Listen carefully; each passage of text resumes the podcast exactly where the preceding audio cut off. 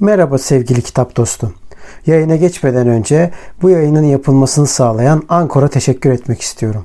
Ücretsiz olan Ankor, podcast'inizi doğrudan telefonunuzdan veya bilgisayarınızdan kaydetmenize ve düzenlemenize olanak tanıyan araçları mevcut. Ankor, podcast'inizi sizin için dağıtır. Böylece Spotify, Apple Podcast ve daha pek çok yerde sesiniz duyulabilir. Üstelik minimum dinleyici olmadan podcast'inizde para kazanabilirsiniz. Tek bir yerde podcast hazırlamak için ihtiyacınız olan her şey Ankor'da. Yayına geçmeden önce hadi vakit kaybetmeden ücretsiz Ankor uygulamasını indirin veya başlamak için ankor.fm'e gidin. Şimdi podcast'ime geçebiliriz. Bugün farklı bir şey yapmaya karar verdim. Bunda Vedat Türkali'nin Bir Gün Tek Başına isimli efsane kitabını okuma kararı vardı. Yalnız bu kitabı okurken bitirmedim. Şu anda 200. sayfadayım ve 554 sayfa. Bu noktaya kadar hiç okumadığım bir kitabı okuyup ve şu an yarısındayken yani tam olarak yarısı olmasa bile yarısına gelmişken bende hissettirdikleri neler diye düşünmeye karar verdim.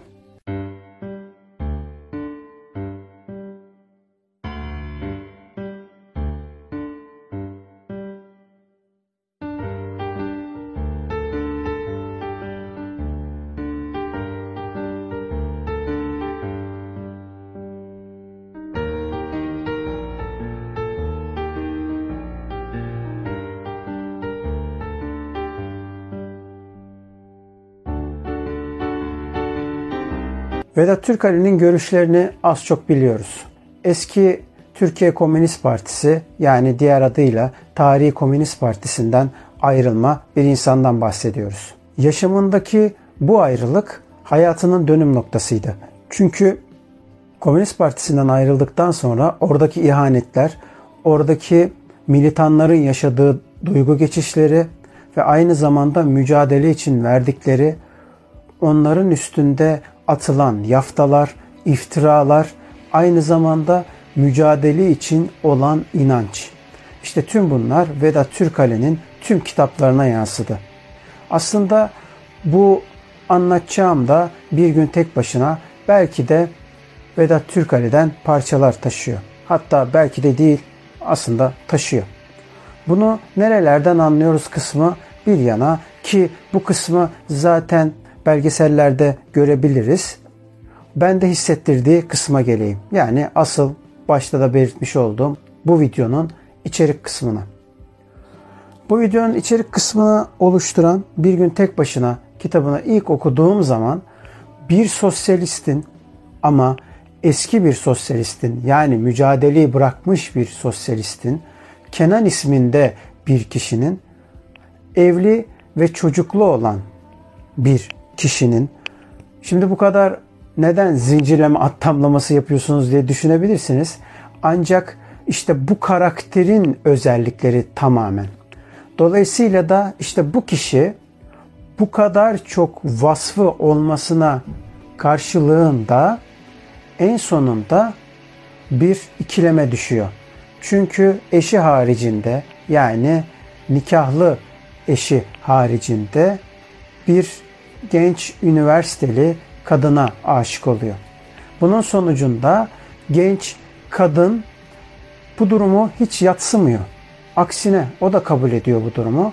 Ancak bunun yarattığı ikilemler işte aşk romanından çıkartıyor kitabı. En sonundaysa yani benim okuduğum kısımda ki en sonundaysa bana hissettirdikleri şu şekilde.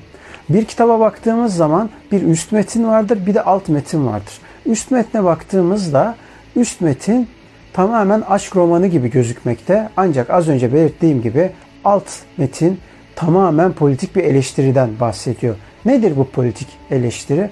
Aslında tarihsel kökenlerine kadar inebiliriz elbette ki. Ancak kitabı çok da sizin vaktinizi alıp politize etmemek için ki politik konular gerçekten derinlemesine incelenmesi gerekir. Dolayısıyla da bu kısmı kısa geçiyorum. Bu kitapta bir eleştiri var sosyalistlere. Nedir bu eleştiri? aşık olmak tırnak içerisinde tabi kullanarak küçük burjuva eğilimlere yani bencilliklere sebebiyet olduğuna dair oluşumlardan, örgütlerden çeşitli itirazlar geliyor. Ve bu itirazların ne kadar yersiz olduğunu ne yaparsak yapalım bu fizyolojimizin yani aslında biyolojimizin buna engel olduğunu hem de ne kadar eleştirirsek eleştirelim o yine tırnak içinde küçük burjuva hareketlere kendimizin de düşeceğini. Tabi buradaki son dediğim küçük burjuva meselesi sınıfsal değil tamamen ironi anlamında kullanılan bir küçük burjuva. Bunların işte hepsini teşhir etmiş Vedat Türkali. Başlangıçta Kenan, baş karakterimiz olan Kenan, eşi Nermin'e çok ciddi bir şekilde eleştiriler sunuyor. Eleştirilerde diyor ki Nermin sen beni çok seviyorsun ama bunların hepsi yersiz. Toplumu kurtarmamız için birbirimizi bırakıp bencilliğimizi bırakıp yani tamamen topluma kendimizi adamalıyız. Ancak topluma adamazsak bu fukaralık bitmez. Devletin başına çöreklenen kişiler ki parantez içerisinde kullanmak gerekir ki Adnan Menderes ve tek partili dönemin hemen sonrasında yani Menderes idamından hemen önceki bir kaos döneminden bahsediyor. Tabi buradaki kaos kişiye göre değişmekle birlikte tamamen belirsiz bir kısımdan bahsediyoruz tarihsel olarak. İşte bu tarihsel kısma kurguyu oturtturmuş Vedat Türkali. Bu noktada işte bu toplumsal kargaşayı fukaralığın getirdiğini belirtmeye çalışan Kenan, buna inanan Kenan en nihayetinde gelmiş olduğu nokta aşık olup başka bir kadına aşık olup ki her iki kadın da aşık olabilir. Bunda bir şey yok. Gayet insani bir şey diye düşünüp hal tavırlar içine girmiş olsalar bile birbirlerini sürekli küçük burjuvalıkla suçluyorlar. Ve bu küçük burjuvalık suçlaması öyle bir çıkmaza girmiş ki Kenan'ı bunalıma sürüklüyor. Yalnız Kenan da kendini küçük burjuvalıkla suçlamaya başlıyor. Sürekli bencillik yapmaya başlıyor kendince.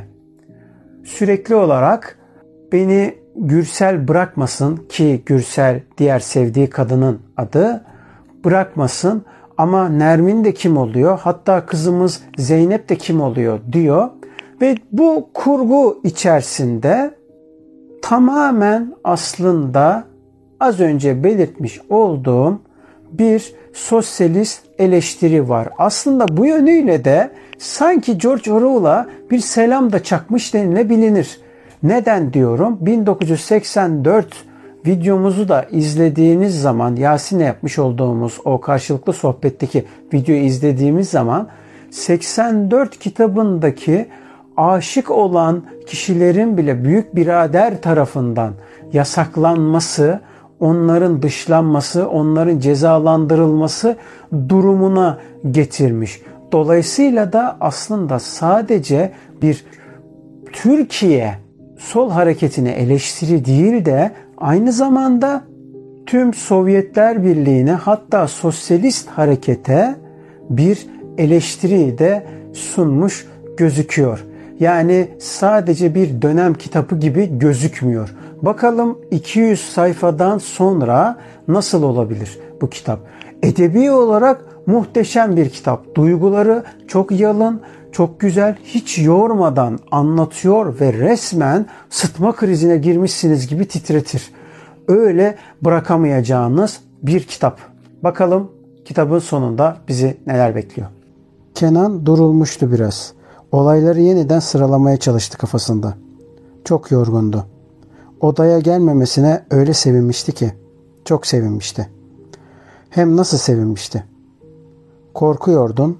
Yaklaşsa dayanamayacaktın ki. İstiyorsun kadını. Ben mi? Acıkmaktan başka bir şey yok içimde. O da ölmesini istedim. Birden kalıverdi olduğu yerde. İlaç dolabından ne aldı o? Yoksa suçlayacak gibi oldu kendini. Hiç doğal değil kızın durumu. Yaparsa odadan çıktı yavaşça. Koridoru yaktı. İlaç dolabına gitti. Açıp baktı bir süre. Dolap karma karışıktı. Zeynep'e verilen ateş düşürücü ilaçlar, vitaminler, aspirin tüpleri. Tamam, aspirin almıştı. Nezle damlaları, Zeynep'in kuvvet öksürük şurupları. Uyku ilacı. Sonra ishale karşı geçen yaz hastalanmıştı Zeynep'te. Kuşkuyla bakmaya başladı. Yoksa hemen açıp baktı. Tüpün biri dolu, ötekisi birkaç tane kalmıştı. Arası da ağırlıdır Nermin. Peki şimdi? Haklı. Başka nasıl uyuyabilir ki? Bir tane aldı haptan, dolabı kapattı.